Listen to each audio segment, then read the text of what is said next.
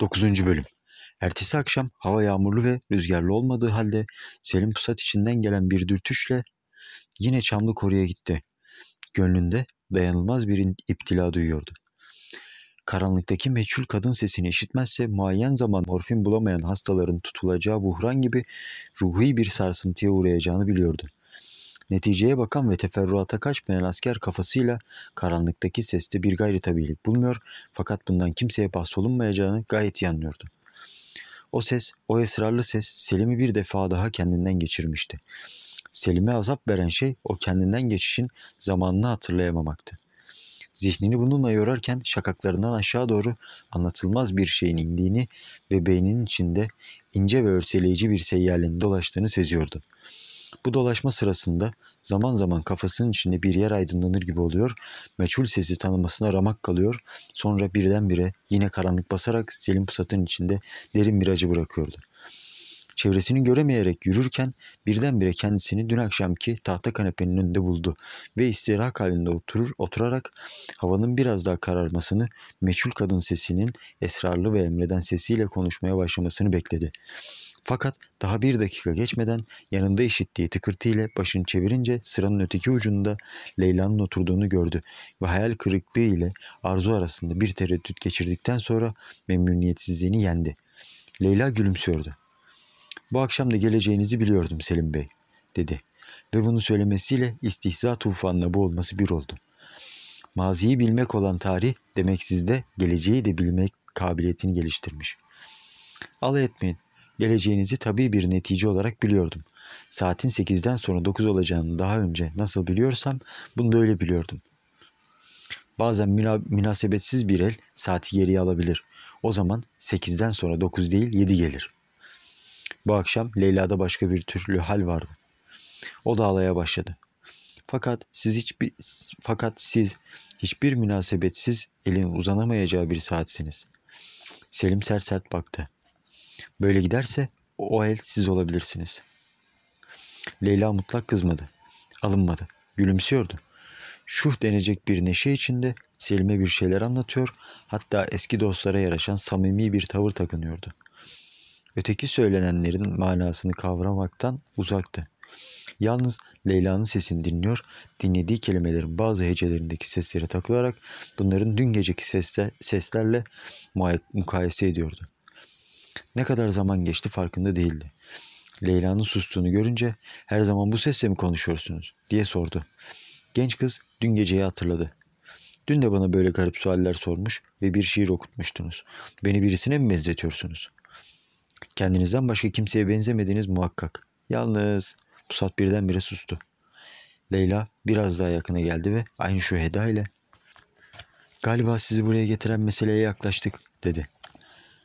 Selim'i gölge gibi takip eden istihza kaybolmuş, yerine gölgeden daha yakın bir şey, bizzat kendisi diyebileceğimiz bir hal hüzün gelmişti. Kararan göğe baktıktan sonra bu gece o aksak mendeburun karşınıza çıkacağınızdan korkmuyor musunuz? diye sordu. Leyla gülümsüyordu. Yanımda siz varsınız. Bana o kadar güvenmeyin. Neden? İnsanlar güvenilmeye layık değildir.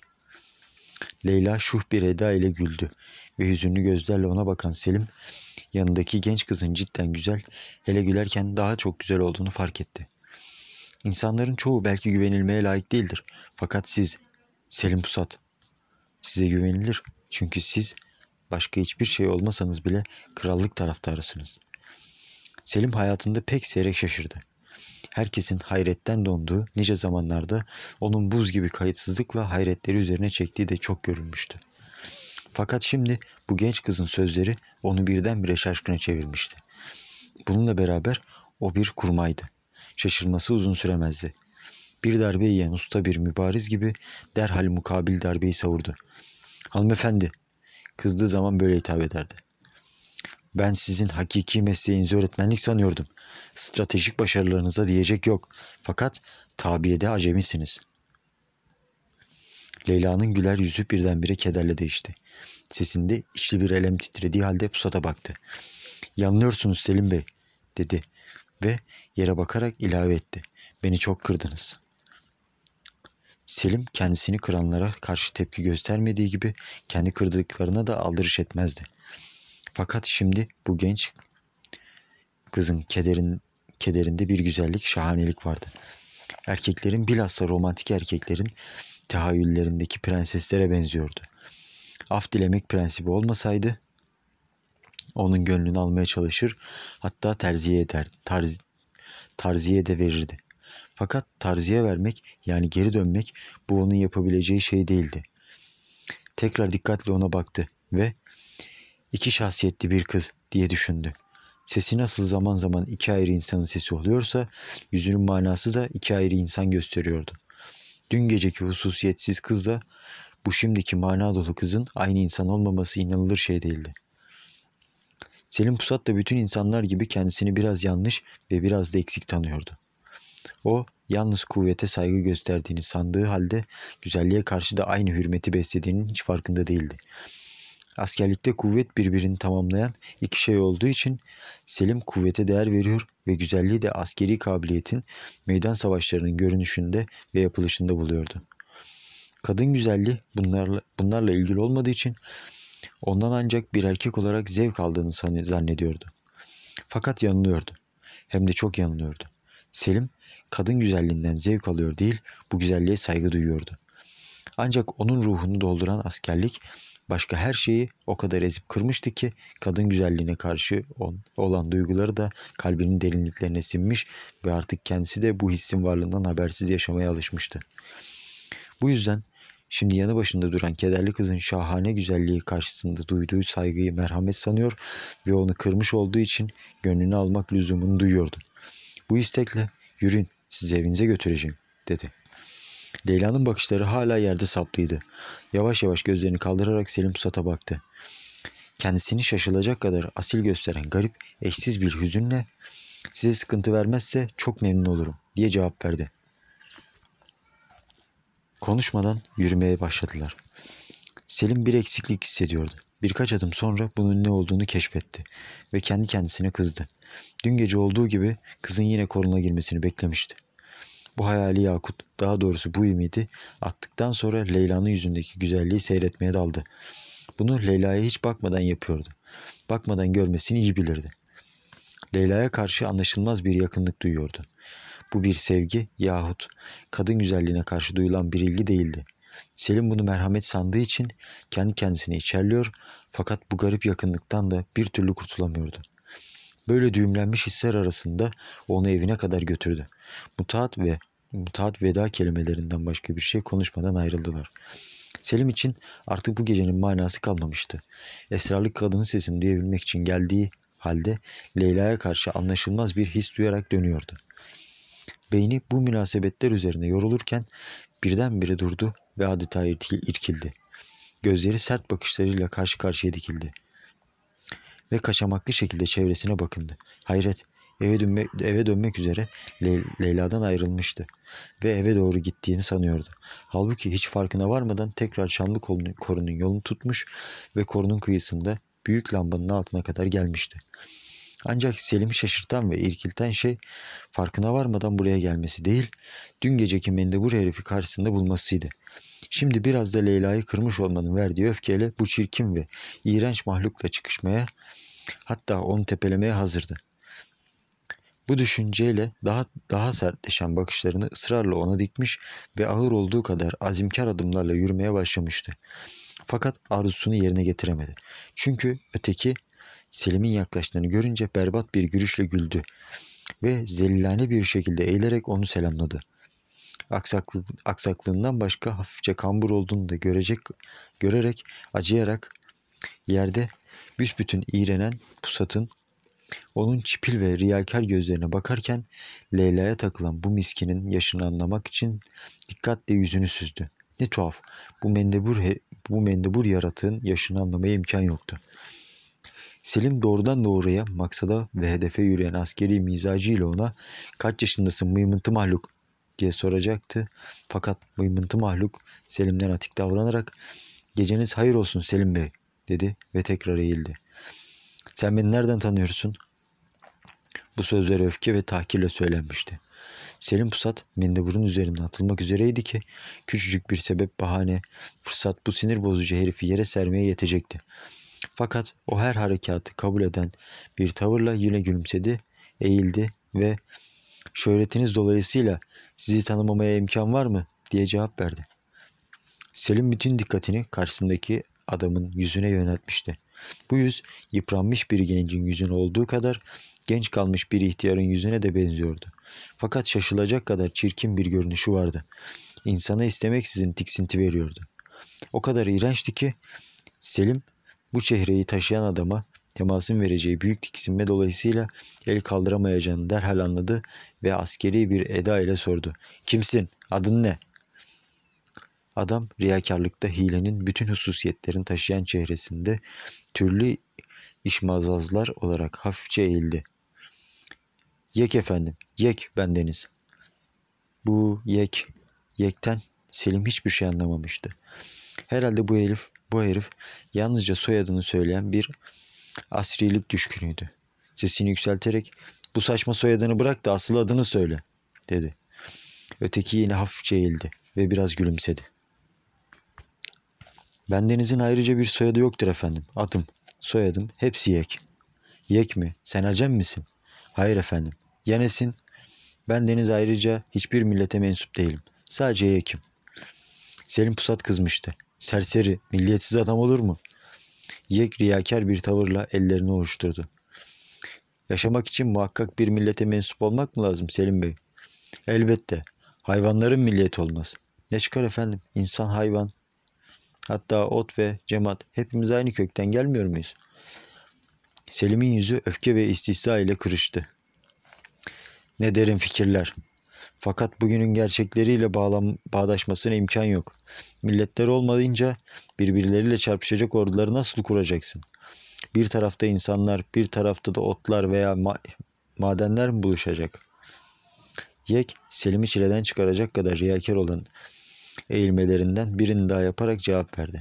Ordular kurup çarpışmak için bir mecburiyet yok ki Selim Bey. Bu dünyanın nimetlerinden bol bol faydalanmak dururken neden ordular kurulsun? Neden kanlar dökülüp kahramanlar toprağa seresin? Ya ne yapılsın? Yaşansın efendim, yaşansın.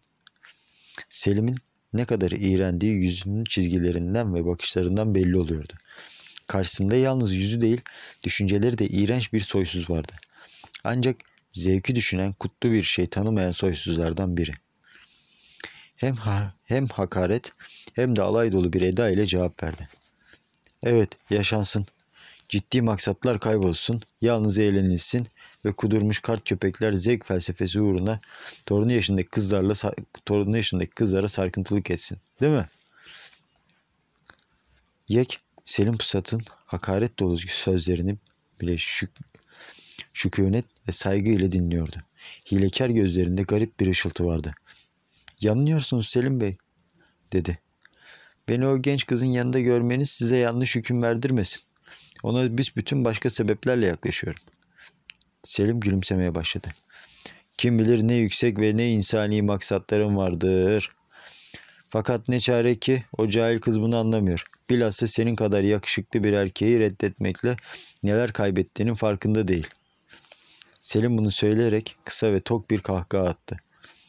Nefret ettiği zaman duygusunu böyle ifade ederdi. Yek başını sallayarak cevap verdi. Benim gördüklerimi gören, çektiklerimi çeken kim olsa bana benzerdi.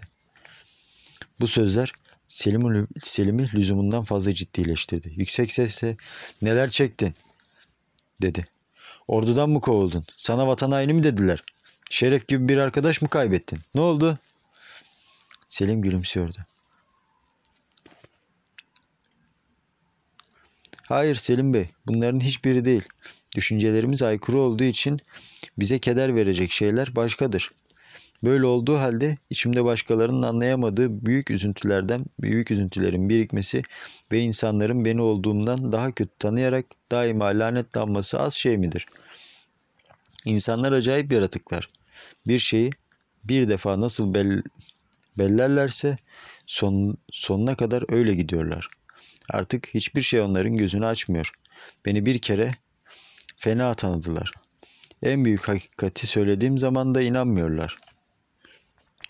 Siz de gerek bütün maziniz ve bilhassa başınızdan geçen mahkemedeki sözleriniz dolayısıyla doğru bir insan olarak tanındınız.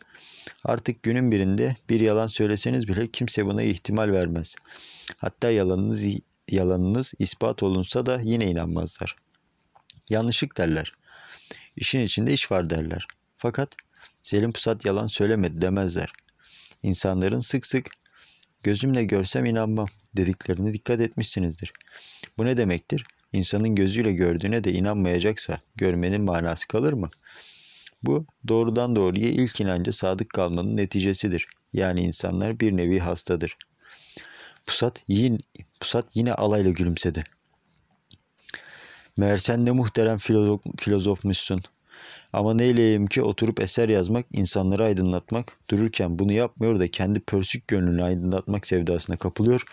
Bunun için de genç güzel bir kıza musallat olup kendini büsbütün kepaze ediyorsun. Bütün insanlara birden ilk inanca sadık kalma hastalığı teşhisi koyan ünlü filozof acaba kendisinin bu iğrenç hastalığına ne at takıyor? Yek yine aynı riyakar tavırla eğildi. Yanılıyorsunuz yüzbaşım. Aşk her ne kadar yaş diye bir engel tanımasa da ben Leyla'ya bir aşk için değil, büsbütün başka ve aşktan daha ciddi bir mesele yüzünden sokulmaya çalışıyorum.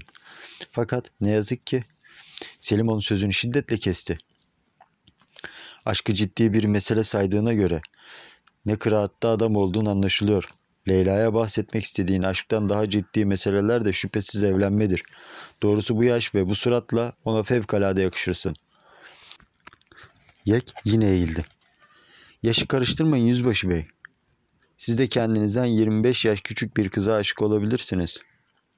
Pusat bu sözler üzerine öfkeli ve alaylı bir bakışla bakarken Yek gözlerini şö- sözlerini şöyle bitirdi. Ve olacaksınız da. Selim'in alaylı sesi çınladı. Sen ne cevhermişsin. Aşk ve felsefeden başka geleceği keşfetmek ilimine de vakıf mısın? Bu hezayağını hangi fal kitabında gördün yahut hangi çingene karısından öğrendin? Yek şaşılacak derecede ciddileşerek cevap verdi. Hiçbir fal kitabında okumadım. Ya nereden biliyorsun? Yek, Selim Pusat'ın yüzündeki bütün istihza çizgilerini silen bir soğukkanlılıkla levh-i mahfuzda okumuştum diye karşılık verdi. Birkaç saniye bakıştılar. Pusat anlamıştı. Bu kambur mendebur deliydi. Selim'in öfkesi kabarmaya başlıyordu. Leyla'ya da levh-i mahfuzda gördüklerini mi anlatmaya çalışıyordun? Hayır. Ne söylüyordun o da kızda, kızcağızı ürkütüyordun? Ben kimseyi ürkütmem. Ürkütmek elimden gelmez. Ama o ürküyordu. Sözlerimden değil, zevkinin ve heyecanının büyüklüğünden ürküyordu. Kim bilir ne bilmediği şeylerden bahsediyordun. Hayır, bilmediği şeylerden bahset... Hayır, bildiği şeylerden bahsediyordun. Selim'in gözleri şimşeklendi. Budala, insan bildiği şeyi başkasından duyunca ürker mi? Yek çok sakindi. Gülümseyerek eğildi. Bildiği şeyden değil, tavsiyelerimden ürk- ürküyordu. Ne tavsiye ediyordun? Harekete geçmesini. Selim her saniye öfkesi artarak kinli gözlerine bakarken Yek sözlerini tamamladı. Leyla mutlak tahtın varisidir. Selim Pusat bu sünepe deliye daha fazla tahammül edemezdi. Çılgınca bir öfkenin verdiği kuvvetle önlerindeki tahta kanepeyi kaldırarak korkunç bir hızla kafasını indirdi. Aynı anda bütün şehirde ışıklar kesilmiş, ortalık zifiri karanlığa gömülmüştü. Yekin böyle bir vuruş altında sağ kalmasına imkan yoktu. Pusat tekrar yanan elektriklerin ışığı altında kanepenin parçalandığı yere baktı. Yekten eser yoktu.